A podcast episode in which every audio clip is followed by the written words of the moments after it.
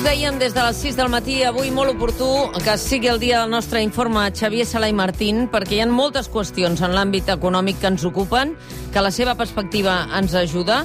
D'una banda, evidentment, aquesta notícia ja confirmada que multi, la multinacional japonesa d'automoció des de Yokohama ha informat al govern espanyol que tanca les plantes de Nissan a Espanya, que això inclou les de Catalunya i que això afecta com a mínim 3.500 llocs de treball directes, més tots els indirectes, la falta d'inversió en el món de l'automoció, les queixes de Miguel Ruiz eh, dels sindicats dient no s'ha fet res, molta retòrica, però aquí ningú se l'ha jugat, mentre França i el Regne Unit s'ho han emportat. I, d'altra banda, eh, una notícia que aquest matí us hem explicat, però que no sabem com acabarà, que és aquesta proposta de la Comissió Europea dels 750.000 milions d'euros que es distribuirien en forma de crèdits d'una banda, però també de transferències a fons perdut d'una altra. Quan diem a fons perdut, què volem dir realment, no?, en termes d'endeutament. I, per tant, saludem el professor Xavier Sala i Martín. Molt bon dia.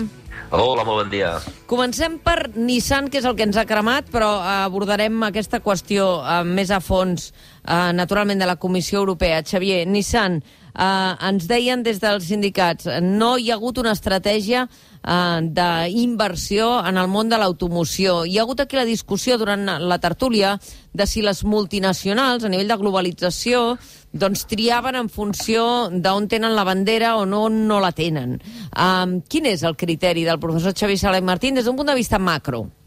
A veure, fins ara no triaven la bandera. Fins ara vivíem en un món de, de perfecta globalització, perfecta, diguem, en el, en el sentit de que els, el, les, les empreses, eh, un cotxe més o menys necessita unes 30.000 peces, doncs aquestes 30.000, cada una de les 30.000 peces eh, s'havia de produir al lloc més barat possible eh, perquè tenien especialistes, eh, perquè tenien les tecnologies, perquè tenien els, les matèries primeres o perquè tenien els treballadors, els salaris necessaris eh, eh, dels treballadors, doncs eh, es produïen a cada país un, un trosset diferent i llavors aquestes peces anaven d'un país a l'altre amb el que s'anomenava una, una, una uh, cadena de producció global, eh, la Global Value Chain, a la qual doncs, eh, al final apareixia un cotxe, però amb peces d'arreu de, del món.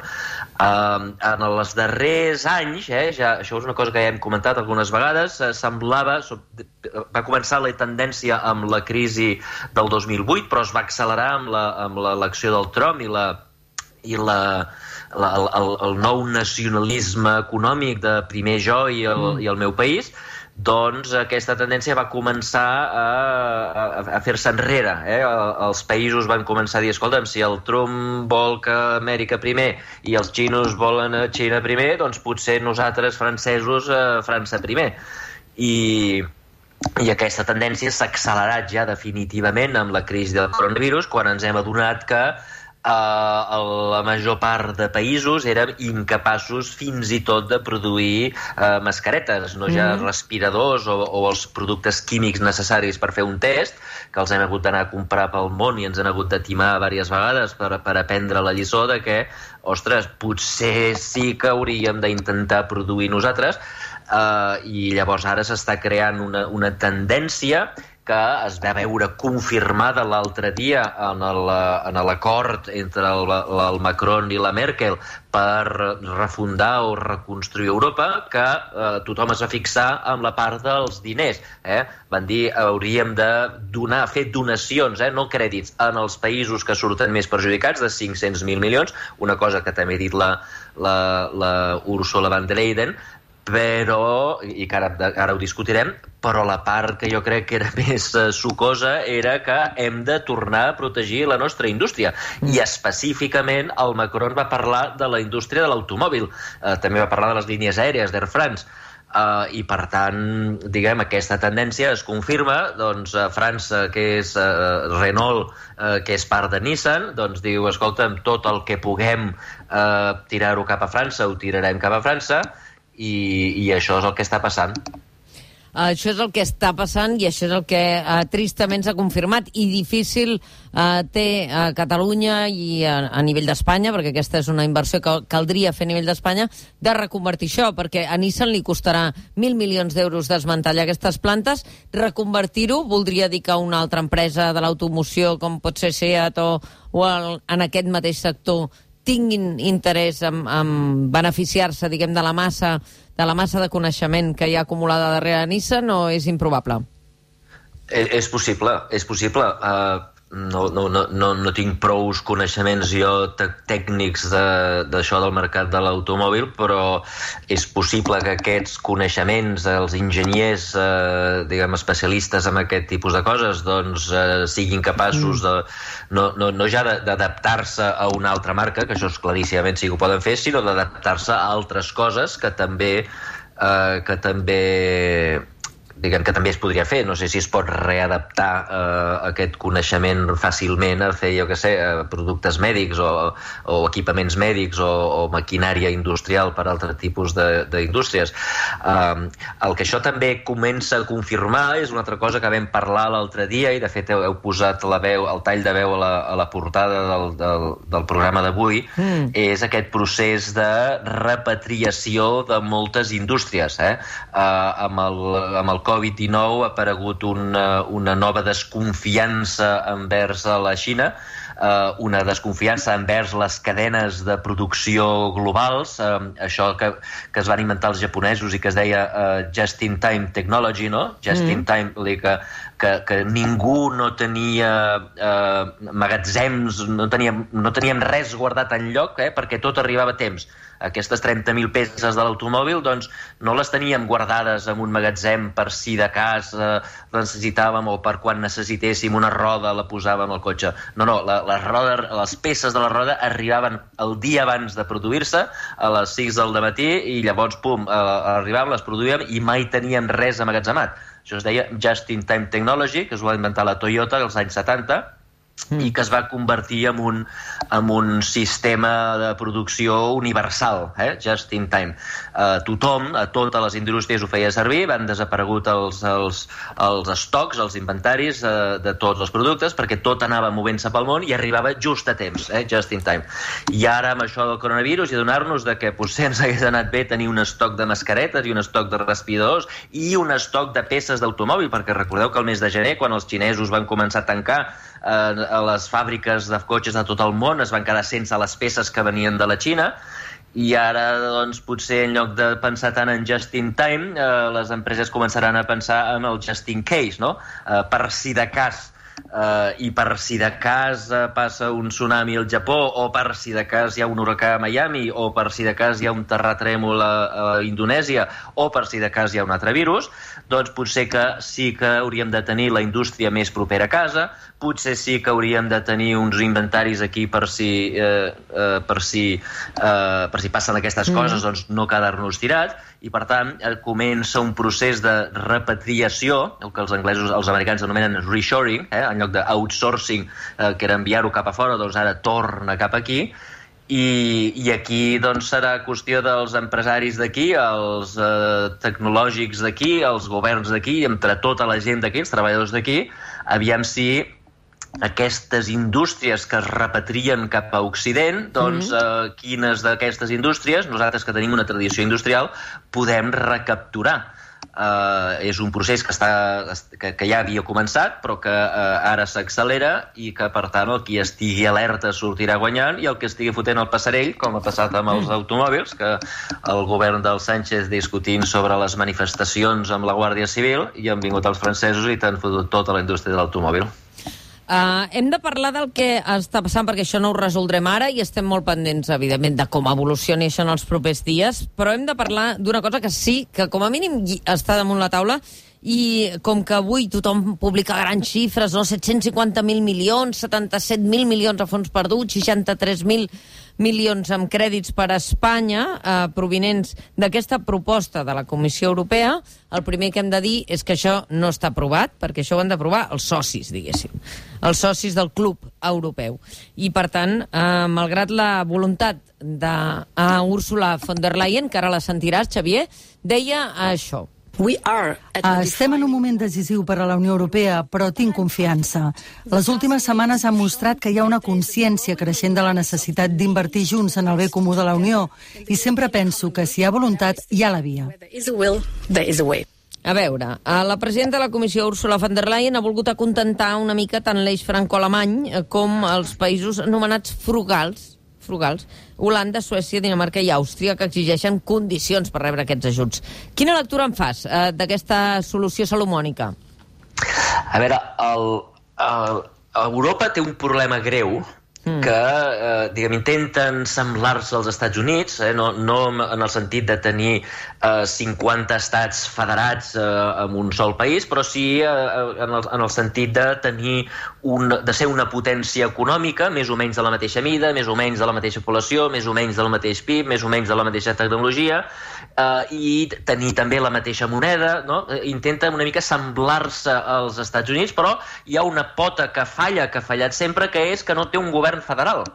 Uh, quan el govern federal dels Estats Units uh, s'enfronta a algun tipus de problema amb, alguna, amb algun dels estats, amb alguna de les mhm. regions mm -hmm. dels Estats Units, no? per exemple l'huracà Katrina a, a Nova Orleans, a Louisiana, mm. o un terratrèmol a Califòrnia, o un, uh, jo què sé, un, un incendi uh, uh, a Las Vegas, no? doncs qualsevol cosa d'aquestes, el govern federal pot ajudar, perquè el govern federal té uns diners, té uns mm. pressupostos, el govern federal recapta diners i aquests diners diu, escolta, eh, necessitem reconstruir Katrina, doncs mira, 50.000 milions cap a Nova Orleans. Um, clar, com que són els diners del govern federal, no ha de demanar permís a Nova York no ha de demanar permís a Nova York per enviar diners a Califòrnia quan hi ha un huracà, eh, quan hi ha un, un terratrèmol, o a Florida quan hi ha un huracà. No, no uh, són els diners del govern federal. Vale? I això li dona una flexibilitat a l'hora d'actuar davant de crisis que són regionals, no són crisis de tots els Estats Units, sinó només de regions, eh, sense que els altres es queixin. Uh -huh. eh, si hi hagués de demanar cada vegada que passa una cosa d'aquestes eh, en els estats, eh, segurament els estats dirien que no, i ho dirien amb, els mateixos raonaments que diuen els europeus. Dirien, escolta, ara hem de pagar les cases en aquests rics de Califòrnia que s'han fotut ells unes mansions a la falla de Sant Andrés, que tothom sabia que era una falla eh, que hi podia haver-hi terratrèmols. Ara que hi ha els terratrèmols els hem d'anar a ajudar? O aquests avis que estan a Florida i es fan les cases a primera línia de mar i tothom sap que cada 10-12 anys ve un huracà i els hi tira a terra. Ara els hem d'ajudar? Escolta, haver-se construït les cases més endins, no? Uh -huh. uh, és a dir, la conducta impròpia d'aquesta gent eh, fa que ens justifica a nosaltres, de Nova York, que no els haguem d'ajudar. Eh? Eh, doncs fixa't que aquests són els arguments que estan fent servir els europeus. Eh? Els europeus, com que el govern europeu, diguem, la, la, la, la, la Comissió Europea, eh? la, la, la Ursula von der Leyen en aquesta és, és, és la presidenta d'un govern europeu, però que gairebé no té diners per tant, si dius, no, hem d'ajudar a Espanya perquè han fe, o, o a Grècia perquè hi ha una crisi monumental que els ha explotat la bombolla immobiliària tal i qual, els del nord diuen, escolta'm, Uh, aquests mentre han estat fent rics, han estat especulant, han fotut festes, hasta aquí ningú, ningú estalviava, no sé quantos, ara els hem de rescatar nosaltres. I els del nord diuen ni hablar, ni res de res, no? Um, um, llavors, la, la, la, la solució per poder eh, ser més àgil a l'hora d'ajudar en aquestes crisis, eh, diguem, que són regionals, sí. és tenir un pressupost general de uh, la Comissió Europea, de tot el govern europeu. Eh? Uh, I això, que no es tenia, és la, la, les llavors de, que va plantar ahir, la, la, la, el que va fer ahir la, la Úrsula és és plantar les llavors de que hi hagi aquest pressupost una mica gran del mm. govern diguem, federal, del govern eh, europeu, que eh, tindrà diners per ajudar ara en els països, eh, en els països eh, de perifèrics. No? Sí. Eh, curiosament, curiosament, de més mala sort, que els països que surten més mal parats de la crisi del coronavirus tornen a ser els mateixos que havien estat mal parats eh, diguem, a la crisi anterior. La crisi anterior, recordeu que es va solucionar, en el cas d'Espanya, amb un rescat, malgrat que el Guindos deia que no era un rescat, sinó un préstamo en condicions favorables, sí. eh, però que hi havia unes condicions i aquestes condicions eren que eh, vosaltres a partir de l'any 2013 eh, tindreu aquest dèficit del 3%, després baixareu al 2%, després a l'1%, després tindreu superàvit i ens tornareu als calés.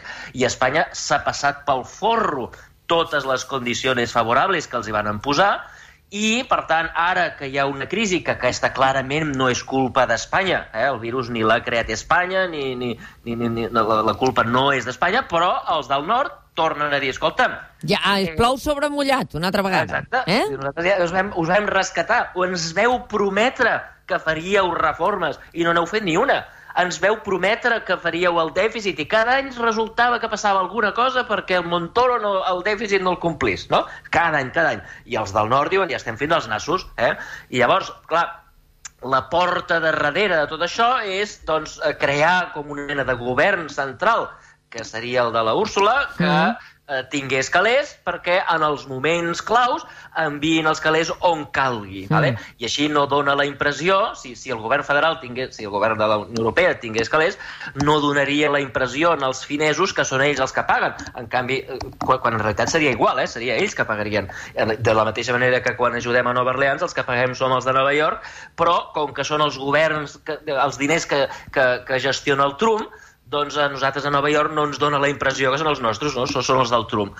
Uh, I això és una mica el que, el que ha passat, no? Uh, i, però és veritat que queda mig camí perquè diu, sí, uh, regalarem 500.000 milions, és a dir, la Unió Europea demanarà prestat, eh? la Úrsula demanarà prestat en els fons d'inversió, el que sigui, que ens prestin a nosaltres calés, com que nosaltres tenim molta credibilitat i molt de poder econòmic a darrere, perquè, clar, darrere de la Úrsula hi ha Alemanya, hi ha els països que tenen de veritat recursos, eh, doncs podrem demanar nosaltres a Europa a uns tipus d'interès molt baixos, eh, agafar aquests calés, 500.000 milions d'aquests calés, els regalarem, com si fos com va passar amb el Katrina als Estats Units, no? regalarem en els països que han patit més. A Espanya d'aquests 500 li tocarien 77, segons la proposta, que com ja has dit tu, és només sí. una proposta, eh? encara falta ara que s'aprovi. Una negociació, sí, sí.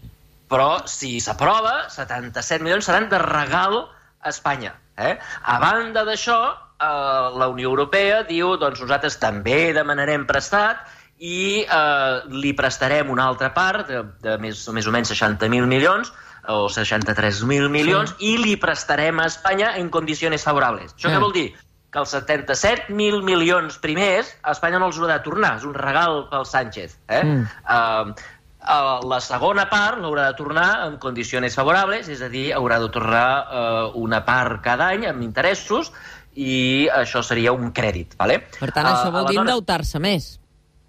Això vol dir que els 60.000 milions, el deute espanyol pujaria en 60.000 milions, no en 140, eh? perquè uh -huh. els 77 primers serien un regal. Això no comptaria com a deute, però clar, llavors la pregunta és... Eh, eh, bueno, la pregunta, llavors el que en diuen els països del nord és, bueno, però a banda d'això hem de parlar també de condicions. Encara que sigui un regal, eh, aquí haurem de fer reformes econòmiques, començant per la reforma del govern central, que tothom haurà de posar calés en el govern central, perquè, clar, el deute de la Unió Europea l'haurem de tornar entre tots. Mhm. -huh.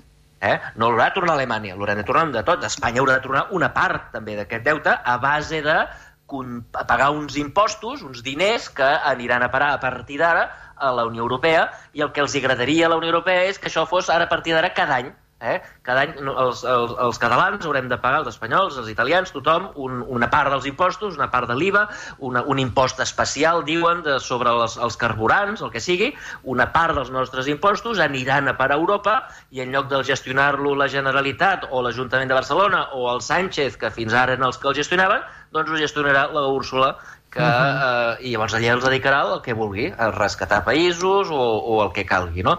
I també això lliga amb la cosa inicial que dèiem abans de, de Nissan, eh, lliga perquè a, eh, a França i a Alemanya van dir una cosa molt important, molt important, que també va passar una mica despercebuda, que és, diu, eh, tal com estem ara, els estats-nació no serveixen. Eh? Al món, les, els ciutadans tenim dos tipus de problemes Uh, uns que han vist en aquesta crisi que són uh, que s'han de tractar molt uh, a la vora d'on està el ciutadà, eh? els hospitals, les escoles. no? que, que de, això no es Sí, pot sí. gestionar des de Berlín a l'Hospital de Barcelona, s'ha de, de gestionar des d'aquí. Els problemes locals s'han de tractar pels governs més propers possible, ajuntaments o comunitats autònomes. Vale? Després hi ha els grans problemes globals, el problema del coronavirus és un exemple, el canvi climàtic és un altre, el ciberterrorisme, la intel·ligència artificial, aquests grans tipus de problemes, Espanya és, és ridícul, no, no serveix per res Espanya, és massa petita. Ho hem vist, no? Espanya ni pot parar el virus, ni té eh, re recursos per fer la recerca, Espanya està depenent de que algú trobi una vacuna, perquè Espanya sol no serveix per res ni per aturar el canvi climàtic. Si Espanya atura les emissions, però els Estats Units i la Xina i els altres segueixen No ho emetent, fan, no serveix. eh, Espanya, exacte. Per tant, els, els, els països tipus Espanya, i quan dic Espanya no és per criticar Espanya, eh? Espanya, Per Itàlia... tamany, França, per tamany i per volum de negoci, per entendre'ns. Exacte. Són massa petits. Fixa't que els, els estats-nació, que eren tan importants al segle XIX, de sobte són massa grans per solucionar els problemes petits, la salut, i són massa petits per solucionar els problemes grans, eh? el, el, el, el canvi climàtic. Vale? I aleshores això només es pot arreglar amb grans blocs de països. I per tant el que diuen és hem d'enfortir el govern central europeu, és a dir, a partir d'ara hem de tenir un gran govern de la Úrsula, que, que pugui eh, ser fort a l'hora de fer, eh, de solucionar aquest tipus de problemes. I un d'aquests tipus de problemes és que ens estem, estem perdent la indústria, deien. Mm. Eh? I aquí és on ve el tema Nissan. Mm. I deien, eh, nosaltres ara, com a europeus, hem de reposar la indústria, hem de tornar a parlar de recuperar la tecnologia que hem perdut. Hem perdut el tren de la intel·ligència artificial, hem perdut el tren de la indústria, hem perdut la indústria. Europa s'ha convertit en un gran museu en el qual venen els xinos i venen els americans a passar uns dies en el nostre museu, però bàsicament la potència industrial que era fa 50 anys l'hem perdut. L'han perdut els alemanys, els alemanys són els que menys l'han perdut, però bueno, mm. uh, l'han perdut els italians, l'hem perdut els catalans, la nostra gran indústria, Sabadell, Terrassa, Igualada, tot això ho hem perdut, i és hora de que torni. Vale? I per tant estan indicant, estan posant llum a dir, escolta'm, uh, a partir d'ara no només eh, nosaltres ajudem en els països que, es, eh, que, que tenen problemes des d'Europa, sinó que hem de, entre tots els europeus, començar a fer polítiques tots en la mateixa direcció. Clar. I van assenyalar política industrial, política de canvi climàtic, hem d'anar tots a una per reduir les emissions, etc etc etc. I jo crec que a la llarga aquest, aquest acord el- del que està al voltant del deute, Mm. Eh, aquestes polítiques són les que acabaran tenint més impacte sobre els ciutadans i sobre les empreses que no pas el, el regal de 77.000 milions, que és el, el que estem discutint avui. Clar, perquè no és només us transferim 77.000 milions per pagar aquest foc, sinó, escolta, a partir d'ara, eh, la reindustrialització o els canvis que heu de fer, els heu de fer en aquesta direcció, no? Perquè un exemple n'és com Nissan ha comunicat ara des del Japó a Europa els seus plans. És que ha dedicat un, un sospir, Xavier, a dir que, bueno, que els hi sap molt greu, que ha sigut molt difícil la decisió, però que han hagut de tancar Barcelona. I això ha sigut una línia, com qui diu, en una roda de premsa on mm, Nissan, des de Yokohama, ha fet una, una projecció de tots els seus plans arreu del món, no? I això et dona una dimensió de lo petitets. Avui hi ha 25.000 famílies aquí que estan sentint això espavorides i, i evidentment, eh, lògicament, molt amoïnades, però eh, a nivell macro, no, per Nissan avui és comunicar una mala notícia amb una línia, com qui diu, no? Amb una, amb una línia dins d'aquest eh, món Sí, i aquest sí. panorama que ens estàs dibuixant. Escolta, a nivell deute, a veure, perquè eh, aquí estem insistint que la Comissió Europea està elevant el sostre de despesa, insta els estats a, a invertir, a gastar en aquest sentit que tu ara deies. Eh, aquest endeutament que pujarà per sobre del 100% a nivell europeu i, evidentment, a Espanya, que ja està ratllant el 100%, eh, s'incrementarà fins al 110, etc. És preocupant perquè Japó ja el té, aquest, aquest, uh, aquest endeutament del 250 en relació al PIB, els Estats Units també està per sobre del 130. Això és molt preocupant? No. A veure, el, el, la línia màgica, ha- això, això, hi ha una mena de línia màgica, que és el 100% del PIB, eh, que a tothom li preocupa molt, però és una preocupació, és una superstició. Eh, no hi ha res de màgic en el número 100. A veure, el, el, el PIB, el, el deute en relació al PIB, eh, Mm. deute en relació al PIB, l'únic que et diu eh, quan surt 100%, el que vol dir, eh, l'únic que et diu és la, la fracció d'un any que de, de, que tardaries, el facció de l'any, eh, el temps que tardaries amb eh, tornar al deute si dediquessis tot el PIB a pagar el deute. Eh? Quan, és a dir, quan diem el, Espanya té el 100%, el deute d'Espanya és el 100% del PIB, el que vol dir és que si Espanya dediqués el 100% del seu producte interior brut a pagar el deute, tardaria un any. Eh? Si tingués un deute de 120%, doncs tardaria un any i el 20% del següent any um, en tornar al deute. Eh? Mm. Uh, això uh, no vol dir res. No vol dir res perquè, primera, el govern espanyol no és propietari del PIB. Mm el, el govern espanyol s'apropia d'una part d'aquest PIB Uh, uh, recordeu, el PIB és uh, la, la suma de tot el que guanyen tots els espanyols. Sí, sí. Eh? El PIB espanyol és el que, el que guanyen tots els salaris, tots els beneficis, tots els interessos, tot del que guanyen tots els... més o menys, eh? Mm. El que guanyen tots els espanyols, i d'això, això no s'ho queda el govern espanyol, això s'ho queden els espanyols. Mm. És veritat que el govern espanyol s'apropia d'una part d'això a través dels impostos, però no del 100%. Eh? Els, els espanyols paguen, jo què sé, 35-40% dels impostos, eh, de les seves rendes els paguen en el govern i aquest govern aquests diners eh, els pot fer servir per tornar. Però és que no pot fer servir tots aquests diners per tornar al deute, tampoc. Per què? Perquè ja té diners compromesos. Mm. Té diners compromesos amb els salaris dels funcionaris, té diners compromesos amb els contractes que ja tenia de l'any passat, té diners compromesos amb les pensions i amb, amb, el, amb la seguretat social. Per tant, el govern espanyol no es pot apropiar de tot el PIB, ni tan sols es pot apropiar de tots els ingressos que té el govern, de tota la recaptació tributària per pagar deutes, i només pot pagar una, una miqueta. Eh? I per tant, eh, si preguntem quants anys tardarà Espanya si dedica el màxim de recursos possibles a tornar al deute, no et sortirà un any, et sortiran 40 Dècades. o 50 anys. Clar. Clar. 40 o 50 anys, perquè Espanya recapta una part petita del PIB, el govern espanyol recapta una part petita del PIB, i d'aquesta la major part ja està compromesa. I, per tant, si el que volem és mirar la capacitat que té un govern de tornar als calés, el, el, la, la, la divisió entre el deute i el PIB no ens diu absolutament res. Mm -hmm. Hi ha una altra qüestió que a mi em té curiositat i avui que puc abusar de tu perquè no ens està empaitant, ens està empaitant un manat de búfals. Escolta'm, eh, quan parlem de mutualització del deute a nivell europeu, eh, perquè ara dèiem, és un regal a Espanya, però clar, al final això ho paga algú, o es paga de manera con com, diguéssim, mancomunada, no?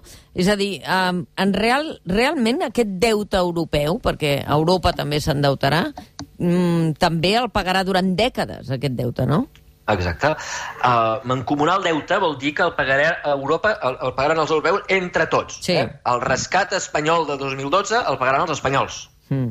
Eh? perquè és, és, Europa es va endeutar, però Europa té el compromís d'Espanya de tornar tots i cadascun dels euros, eh, amb, amb una, una pila d'anys, però tots i cadascun dels euros.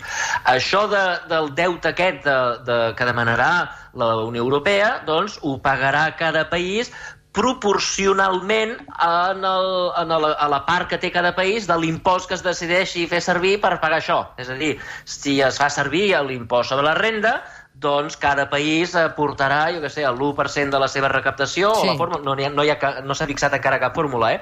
De fet, s'està parlant d'un impost sobre els hidrocarburs, o un impost sobre el, les, les emissions de, de, de, de, de, de productes que, que, que, que causen el canvi climàtic, no sé. Mm. Uh, però si fos, uh, posem, els hidrocarburs, doncs uh, una proporció, si, si Espanya té, jo què sé, el 5% de les emissions, doncs pagarà el 5% d'aquest deute, eh? Uh, però el tornaran entre tots els europeus sí. d'una manera proporcional. Segurament els alemanys pagaran més perquè són l'economia més grossa uh, i, uh, i Luxemburg pagarà, pagarà menys, però tots els europeus pagaran. Això és el que vol dir deute mancomunada i això és el que els països del nord no volen uh, fer, no volen ells endeutar-se uh, sense un compromís dels europeus del sud eh, que deixaran de tenir problemes i els haurem de deixar d'ajudar.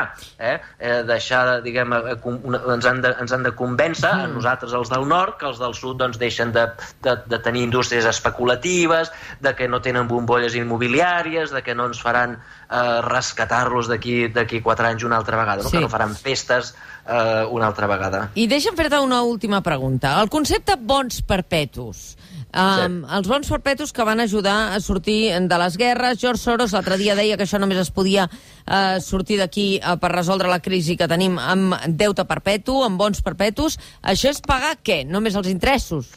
Sí, a veure, un, els bons, els bons són uns paperets, eh? Sí. uns paperets que donen dret a que el govern, si són bons del govern espanyol, doncs a que el govern espanyol cada any et pagui uns diners, que es diu una, una quota o un cupó. Eh? Mm. Eh, és a dir, eh, eh, el govern espanyol et ven un paperet, el govern espanyol et ven un paperet que mm. bàsicament diu dona'm 1.000 euros i a partir d'ara cada any jo et donaré 50. Sí. 50, 50, fins al dia del venciment. Mm. Vale? Uh, si tu calcules, doncs veuràs que, uh, diguem, si jo et dono... Uh, si tu em dones 100 a mi perquè jo pugui gastar i jo et dono 5 cada any, doncs resulta que els interessos són, són del 5%. Eh? Però això és, diguem, el que és un bo. Llavors hi ha bons que, fix, que, que vencen, tenen un venciment a 2 anys, a 5 anys, a 10 anys. Eh? Sí, sí. Uh, doncs bé, n'hi ha uns que no vencen mai Clar. No vencen mai, però que sempre eh, et, el, tu, diguem, cobraràs del govern, cada any cobraràs els 5 euros, cada any 5 euros, cada any 5 euros, per sempre, sempre més. Diguem, això és una cosa que no és nova, això ja es va inventar al segle XVII.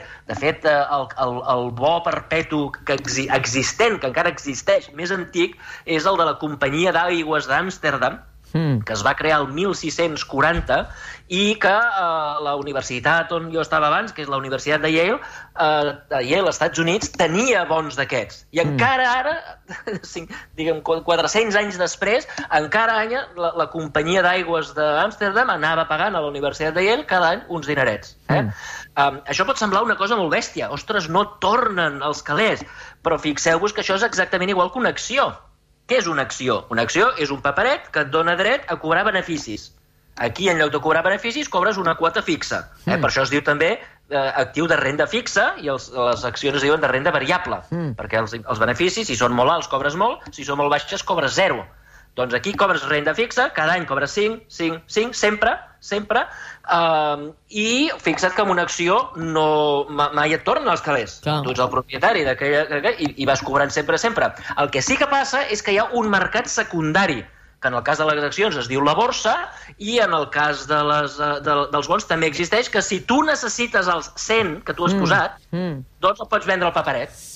Ah, Llavors, a partir d'ara, el qui et compra el paperet doncs, cobrarà, eh, que cobrarà eh, aquest, eh, aquest dividend o aquesta quota cada any. Eh? Eh, fixa't que eh, eh, diguem, el fet de que sigui perpetu no vol dir res, no vol dir que tu no, no tornaran mai els diners. Mm. Eh, no te'ls tornarà el govern, però si tu tens el paperet, doncs recuperes el 100 o recuperes, si la gent pensa que el govern espanyol no pagarà, doncs potser no recuperaràs el 100, només recuperaràs 30, com mm. passarà ara amb els argentins, que sembla que no cobraran, doncs aquests paperets valdran menys, però tu pots recuperar, és a dir, són líquids, tu pots recuperar una part dels calés o tots els calés a base de vendre't aquest paperet. Això són els bons perpetus.